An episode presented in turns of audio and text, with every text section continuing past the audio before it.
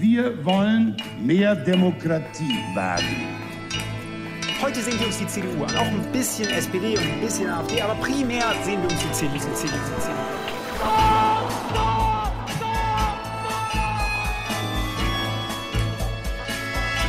Niemand hat die Absicht, eine Mauer zu errichten. Ich weiß, ich habe heute Morgen in den Spiegel geguckt und dachte, wer ist denn die Hotte Bitch?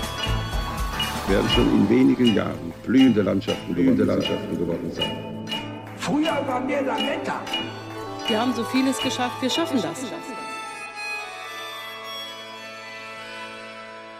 Herzlich willkommen til Tyskerne episode 78 i hjemmestudio. Ingrid Brekke. Og Kai Schwind, hallo. I dag skal vi snakke om partiet Die Linke. Så skal vi se nærmere på en ny tysk TV-serie, nemlig Vi barna fra Bahnhof Zoo. En tja, slags nytolkning av berømte boka Christiane F. Wir Kinder von Bahnhof Zoo, om en gjeng med mindreårige narkomaner i Berlin på 80-tallet. Og i ordspalten ble det jiddisch i dag. Men først, tusen takk for alle gratulasjoner og tilbakemeldinger om jubileumsepisoden vår. Og ikke minst den nye storsatsingen her på Tyskerne. Blant annet kommer vi jo nå én gang i uka, så her er vi allerede igjen. Halli, hallo.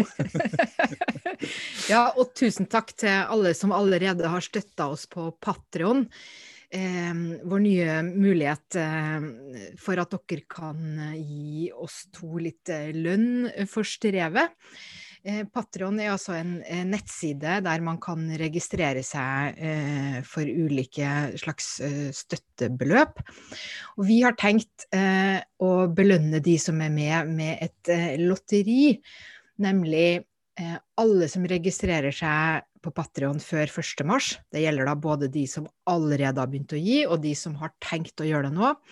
De kan eh, vinne den nye boka til Jan Bøhmermann, altså vår eh, favorittsatiriker, som nettopp har blitt 40 år. Og i denne boka har han samla alle sine tweets og litt ekstra.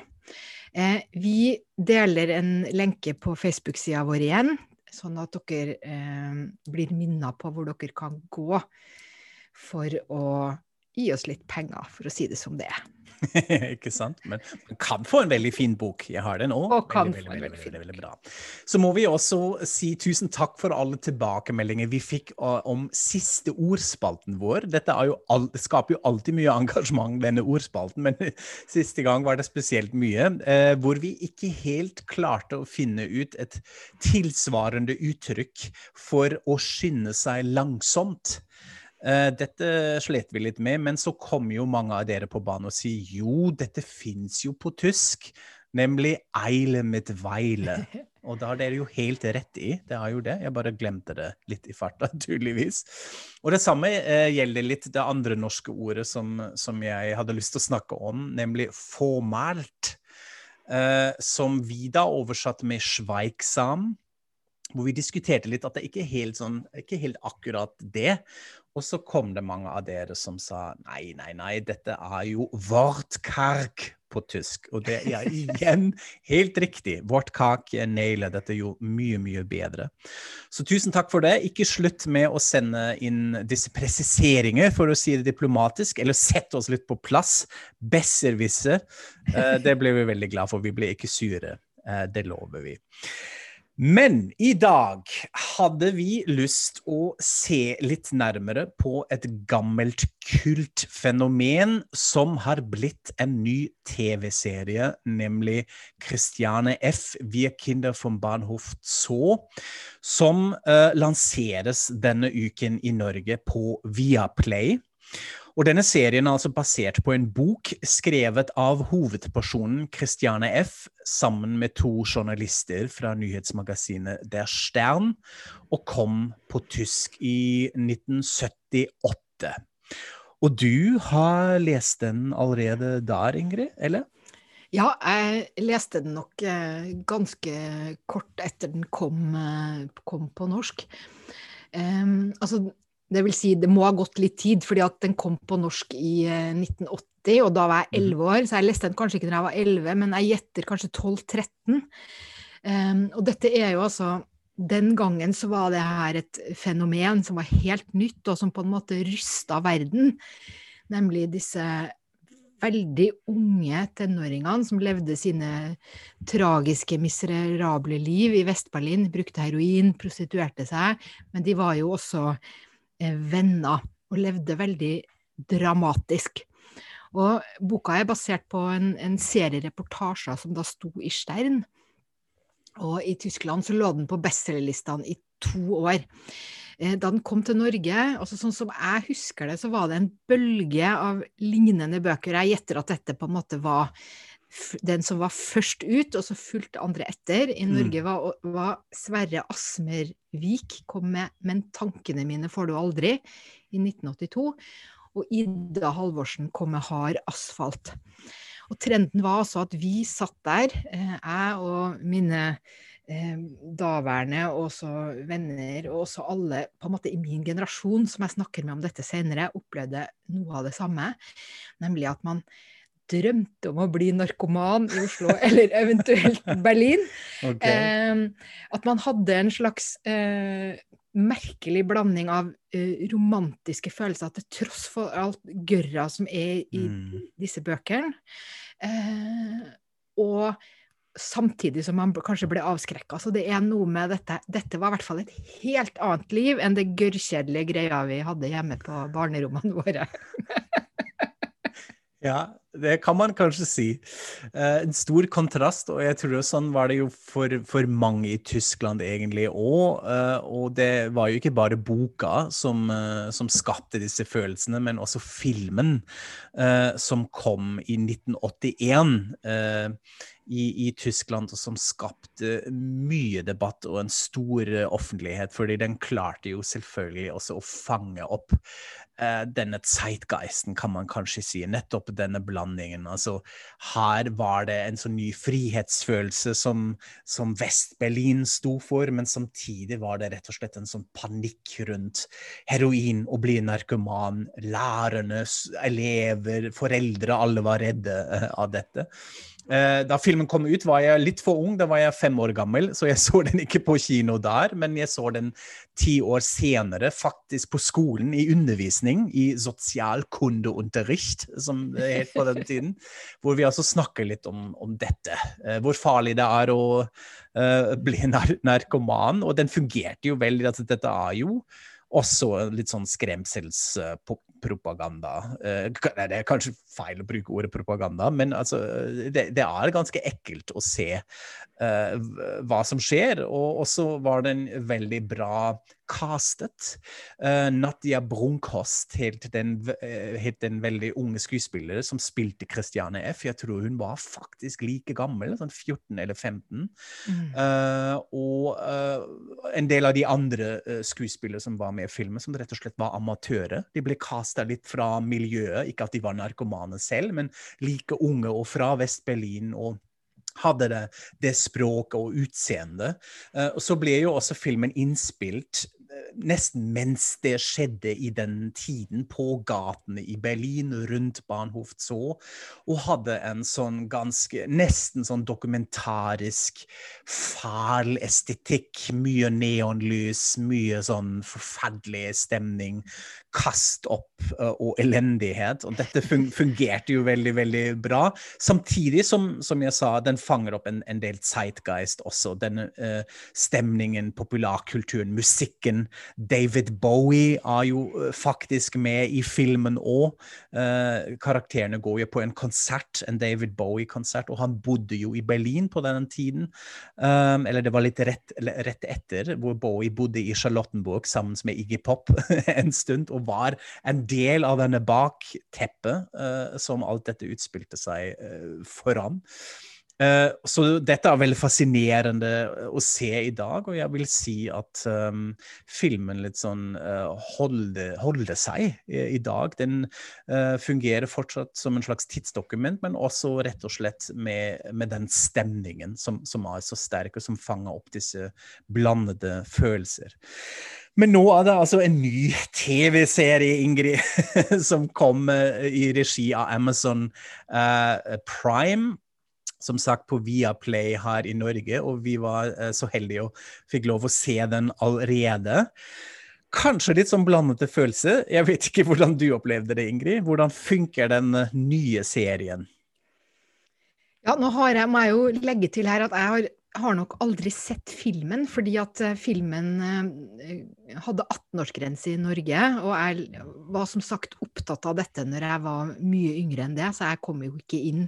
Ja. Eh, og tror ikke jeg har sett den senere heller. Så for meg er det nytt. Jeg har ikke filmen å sammenligne med.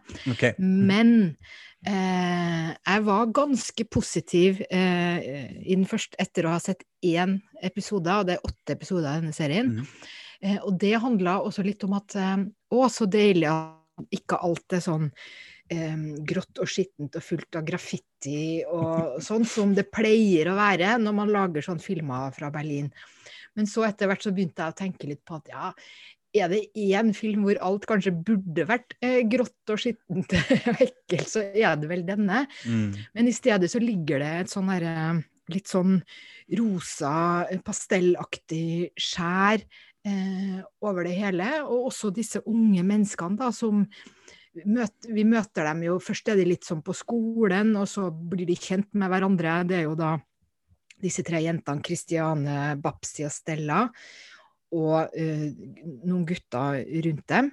Uh, så de møtes da på dette hovedknutepunktet i, i Vest-Berlin, uh, denne jernbane, rundt denne jernbanestasjonen. og blir en slags løs gjeng. og utover i, i TV-serien så det, det, ja, det er en estetikk som ikke ikke passer innholdet, må man vel kanskje kunne si. ja, det er kanskje litt diplomatisk sagt.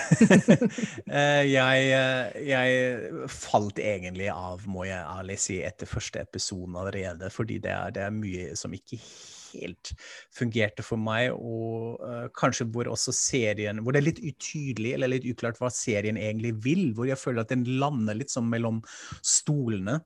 Altså, Hvis vi begynner med skuespillerne først. Uh, de er jo flinke, selvfølgelig, men jeg reagerte allerede litt på at uh, de var mye eldre enn karakterene. Altså skuespiller som spiller Christiane F., Jana McKinnon, hun, hun er 21 år gammel. Ja. Uh, og det vises jo, det ser man også med de, med de, andre skuespillerne. Samtidig er det noen rare valg da også for de foreldrene til Christiane F., som får veldig mye plass i serien. Um, ser like gammel ut som henne. ja. Ikke sant? Spesielt faren. Og jeg var helt forvirret, fordi jeg trodde først at det var et slags uh, kunstnerisk grep av serien først. At ah, OK, kanskje foreldre spilles av folk i samme alderen. Er det et slags statement? Er det et slags sånn symbolisme inni det? Jeg vet ikke. Men så, så, skjønte jeg nei, det er faktisk uh, sånn de skal være. Og dette er, passer ikke helt uh, sammen. Så er det noe også med den TV-seriedramaturgien her. Som du sa, dette altså åtte episoder. Det er mye plass å fortelle disse uh, bihandlings- og biplots til ulike karakterene som verken boka eller filmen har tid å gå inn på. Men så er det noe med den strukturen. Det er veldig ofte sånn at man har litt sånn naturalistiske scener, dialogscener, som er da altså fullt av sånne montasjesekvenser hvor det legges under litt floaty emo-popmusikk, og så utspiller seg alt i slow motion. Litt sånn uansett nesten hva karakterene gjør, om de går langs en gata, eller uh, er på en karusell, eller løper gjennom en park, eller sitter på skolen, eller sånn. Så jeg blir veldig sliten av, denne, av det mønsteret. Litt sånn uh, repetisjoner av litt sånn samme opplegg.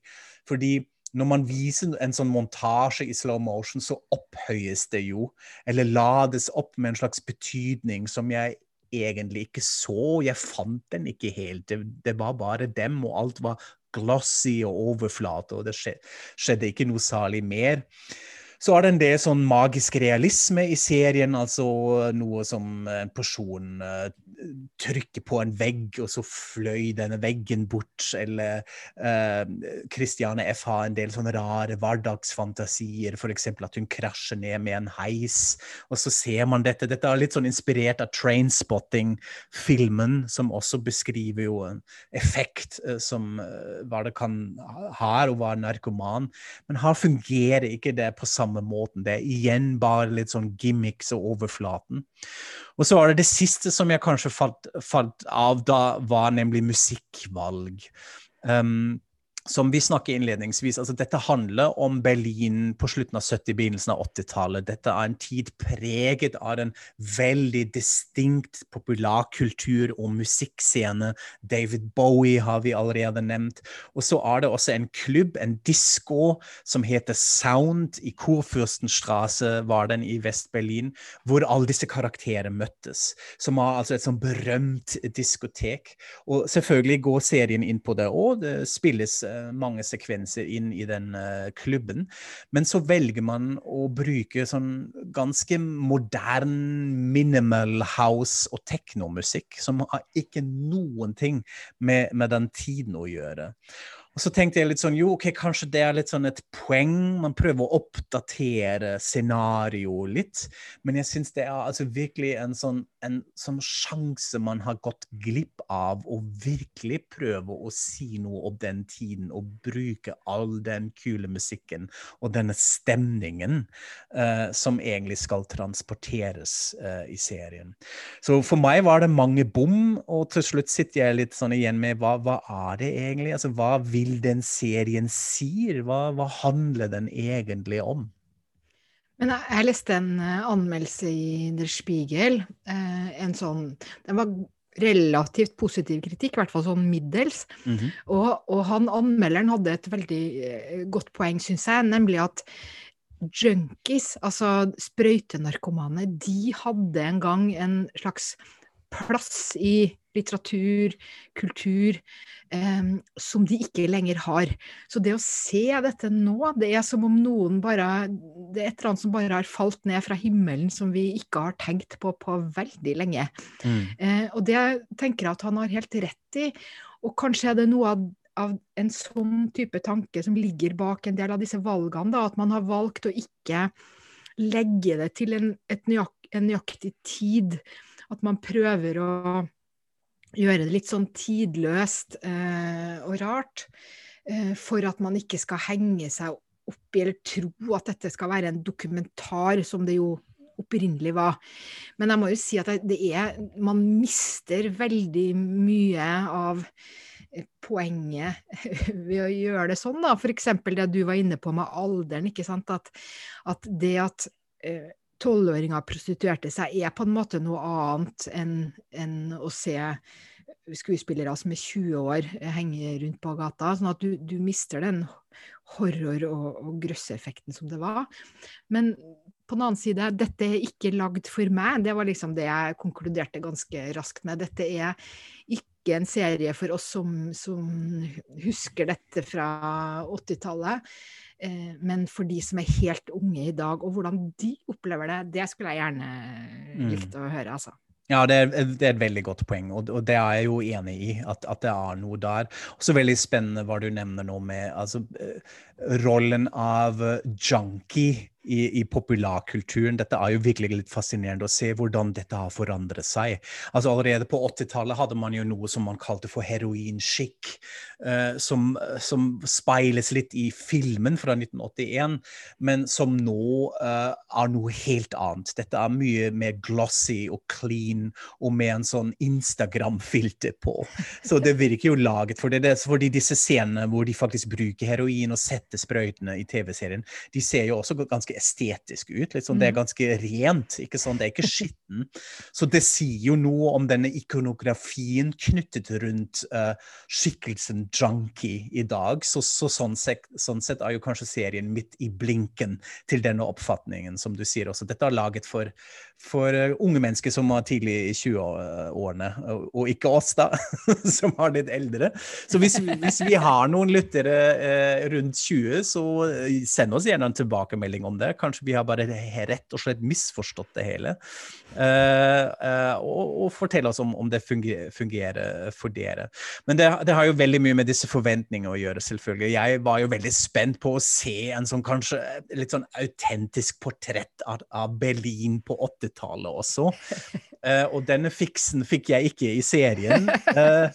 Men uh, helt tilfeldig oppdager jeg noe annet, nemlig en ny podkastserie som tar for seg nettopp dette her. Uh, og den har blitt lansert nå nylig på uh, den nye audioplattformen Feio uh, i Tyskland. Dette er altså en app som man må laste ned, uh, og så får man uh, massevis av kule innhold. Vi kan lenke til det på Facebook-siden med informasjon. Og denne serien heter Die Mauerstadt, Vildes Vest Berlin, og er der en dokumentarisk podkastserie av Johannes Nichelmann, forfatter og radiojournalist. Og han har vi også snakket om før her i podkasten, da vi anbefalte boka hans 'Wendekinder'. En bok om ja, disse barna som ble født akkurat etter uh, gjenforeningen av Tyskland. Vi anbefalte den i den siste live uh, vi hadde. Og han har altså lagd en dokumentarisk serie om hvordan det var i Berlin på 80-tallet. Ti episoder hvor han går gjennom ulike aspekter. Uh, sånn kommunalpolitikk, korrupsjon, terrorisme, alt det som har preget denne tiden. Og så har han dedikert én episode også til barna fra Barnhoft Zoo. En, eh, en hel episode hvor han ser nettopp på denne tiden, denne uh, store herointiden. Uh, og faktisk har et intervju med en av skuespillerne fra filmen.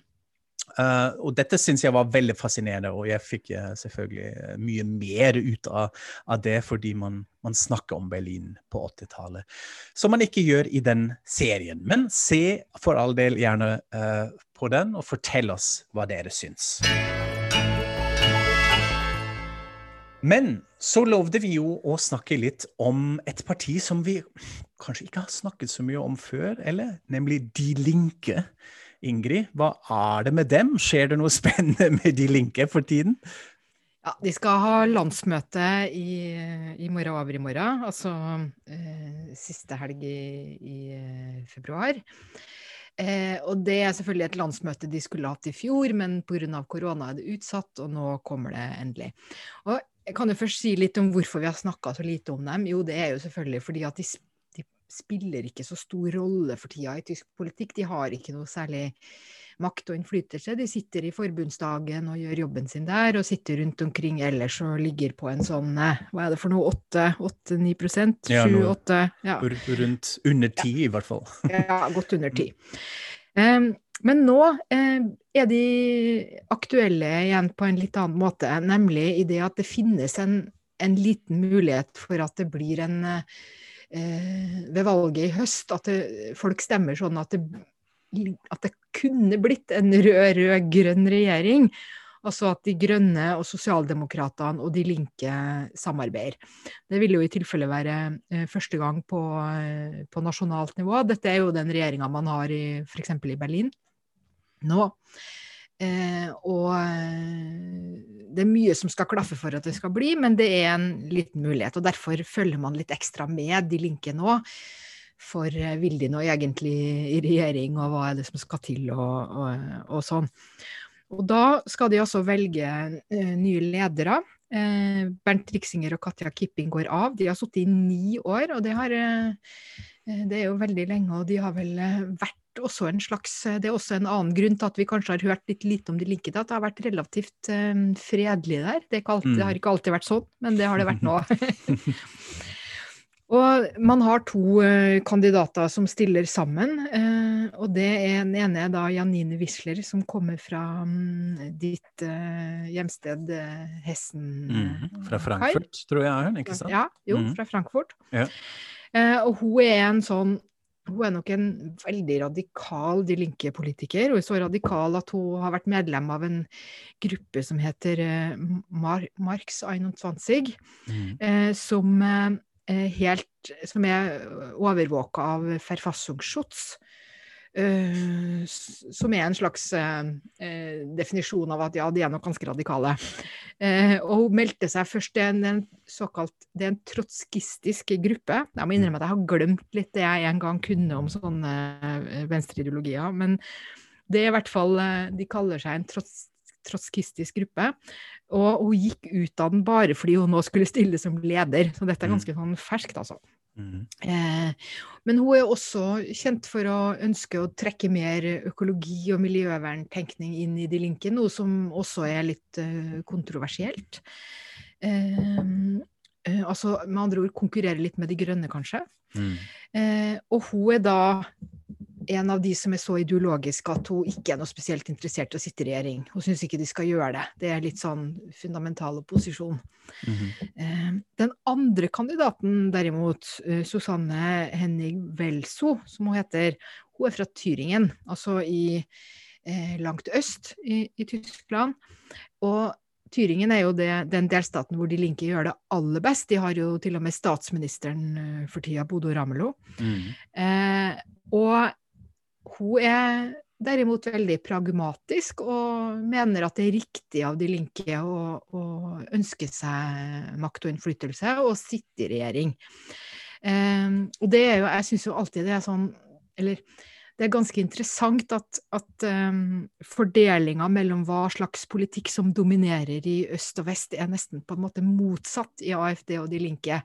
I AFD uh, så har man de, de mest kanskje de aller mest ytterliggående er ofte i, i, øst, mens de mer pragmatiske og de som drømmer mest om å bli en slags borgerlig, et slags borgerlig parti, de, de sitter i, i, vest. Men i, i De Linke er det motsatt. Der er det de i øst som er mest pragmatiske, da. Yeah.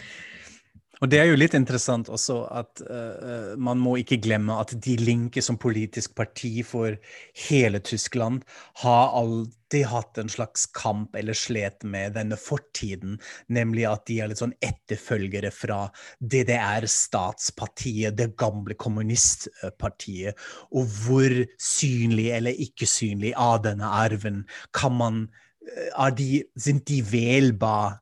Kan man stemme for dem eller ikke, som er en sånn diskusjon uh, hele tida. Og da kan det jo være nettopp det at uh, de linke i Øst-Tyskland har hatt et litt mer sånn pragmatisk tilnærming til det. De har tatt det oppgjøret på en litt annen måte. Har landa litt mer uh, plante på jorden enn de linke i Vest-Tyskland, kanskje. Så det er jo litt interessant å se hvordan de ja. det.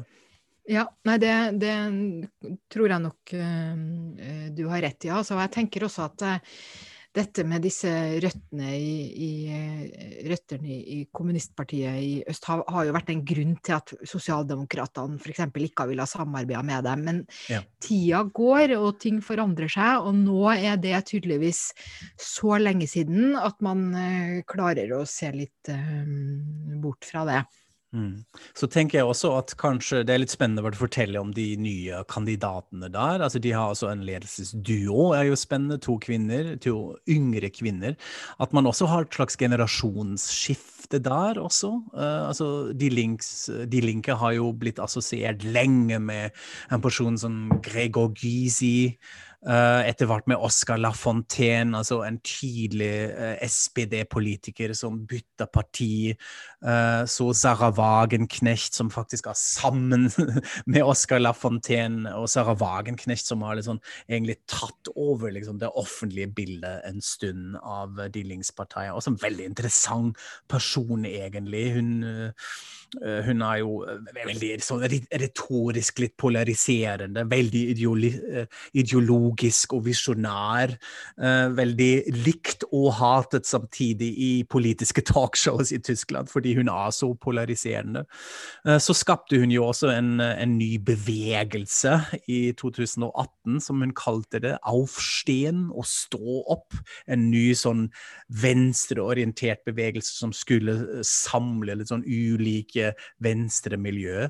Men det har ikke blitt noe særlig ut av det, i hvert fall ikke som jeg kunne følge med. Jeg vet ikke om du har sett litt mer? Det, det forsvant litt. Ja, mm. jeg husker det var jo veldig mye om det da det skjedde. Fordi mm. det, dette at man skulle klare å være bredere enn bare De Linke selv, da. Men, mm. men det Jeg har heller ikke hørt noe, noe mer til det, altså. Men, men, jeg så nå at uh, Sara Wagenknecht hadde vært på liten, et lite valgkamptreff i Jeg tror det var i Saksen-Anhalt. Mm -hmm. Og da hadde sentralpartiet blitt ganske sinte på Saksen-Anhalt, for hvorfor inviterer man dette, denne polariserende personen mm. eh, som bare splitter og, og, gjør det vanskelig um, for oss? Og hun, eh, hun, holder på med sitt, og, mm. og det Ja. Men jeg, eh, jeg, kan jo bare eh, til slutt nevne at jeg også har en slags favorittlinkepolitiker, da. Ja. Petra Pau. Mm -hmm eh, som jeg syns er et slags fenomen. Eh, og hun eh, er en av de som faktisk var medlem av eh, kommunistpartiet. Hun er fra Øst-Berlin. Eh, eh, og nå har hun i tror i hvert fall 15 år vært visepresident i, i forbundsdagen. Altså det, det, er jo én fra hvert parti som er visepresident, og hun har da vært De Linkes. og grunnen til at jeg har blitt så oppmerksom på henne, det er at hun er utrolig flink til å snakke om hvor grensa går for hva som er demokratisk, og hva som ikke er demokratisk. Og hun har selvfølgelig gjort det på grunn av AFD, for det er jo de som driver og tøyser rundt med disse grensene i forbundsdagen i dag. Men jeg tenker også at hun indirekte også snakker til sine egne. Mm -hmm. eh, både i form av de som har røtter i øst, men, men, også i De Linke, for det er jo mye rart i, i De Linke òg, må man jo kunne si. Mm. Men hun er altså så ryddig og smart og flink til å forklare akkurat dette, og det, jeg tenker at det er noe av det viktigste man gjør i tysk politikk i dag. Det å ta de forklaringene på alvor og orke å forklare eh, velgere eh, hvorfor dette, hvorfor eh, AFD går over grensa, eller hvor grensene går, hva som er innafor og hva som er utafor, da. Mm, ja, en veld, veldig fascinerende person. Um, jeg jeg syns også det er ganske um, nesten litt rørende uh, hvor åpen hun er om også sin egen helsetilstand, fordi hun har hatt en slags sykdom som har ført til at hun har en ganske sånn um, svak og hes stemme, som ja. er jo selvfølgelig en utrolig utfordring når man er politiker og skal drive ja. med kommunikasjon, og alt man gjør er å snakke hele tida.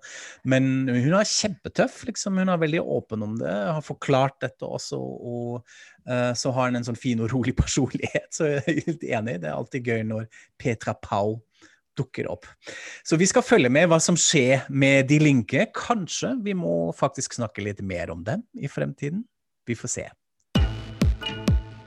An, auf, hinter, in, neben, über, runter, fort, zwischen. Ja, da er det vår Ramstein-parodi som vi må venne oss litt til. Eh, språkspalten, ordspaltene her. Hva skal vi snakke om i dag? Jo, eh, i dag skal vi snakke om litt eh, jiddisch. Og det har vi valgt å gjøre fordi at eh, i år eh, feirer eh, Tyskland at det er 1700 år med jødisk liv i landet. Eh, og grunnen til akkurat den, dette tallet 1700, det er at i år 321, da kom keiser Konstantin med en, et dekret, eller hva det nå heter, som eh, sa at jøder kunne få lov til å inneha embeter i Köln. Mm -hmm. og, og, det er rett og slett det første historiske beviset man har på at jøder levde i eh, det som i dag er Tyskland. For Tyskland er jo selvfølgelig ikke 1700 år gammelt, men det er på det som i dag er tysk territorium, da. Mm. Så det skal man feire på mange måter uh, ut gjennom uh, året i år.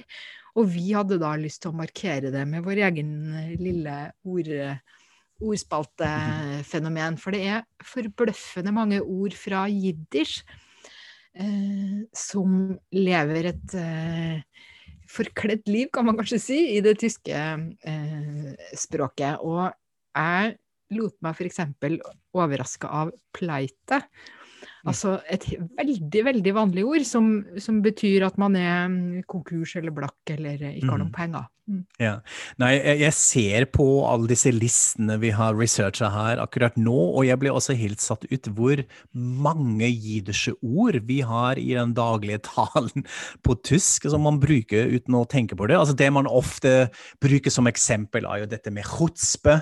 Uh, altså at man, uh, at man har chutzpe til å gjøre et eller annet. At man er litt frekk. Gjør kanskje noe litt sånn uh, frekk og utfordrende, at, men at man tør å gjøre dette, er jo et sånn egen begrep. Eller det andre er ordet mesjugge.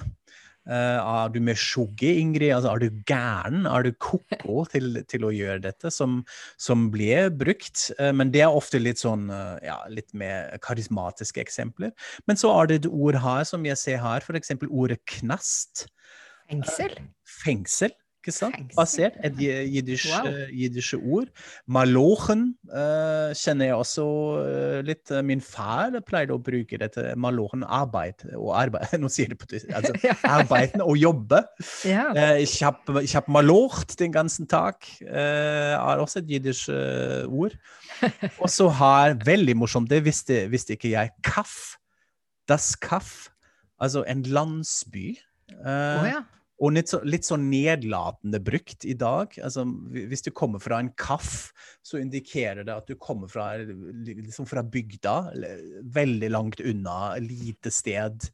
Uh, Huttigheita? Ja, litt sånn det. Visste jeg ikke at dette er også jiddisch ord. Så det er fullt med det. Vel, veldig artig. Kanskje vi, eh, vi, deler noe av de listene òg. Det kan jo være gøy det kan vi gjøre. å se, mm. se, på det. Så, så gjør vi det på Facebook. Ja, det var det for denne uken. Vi kommer jo allerede om én uke. Så det, det, er bare å glede seg. Det gjør i hvert fall vi. Eh, følg oss på Facebook, eh, på Instagram, og kast penger etter oss på Patrion. Vi blir veldig glad for det. Da sier vi takk for oss, og auf Wiederhøen. Auf Wiederhøen.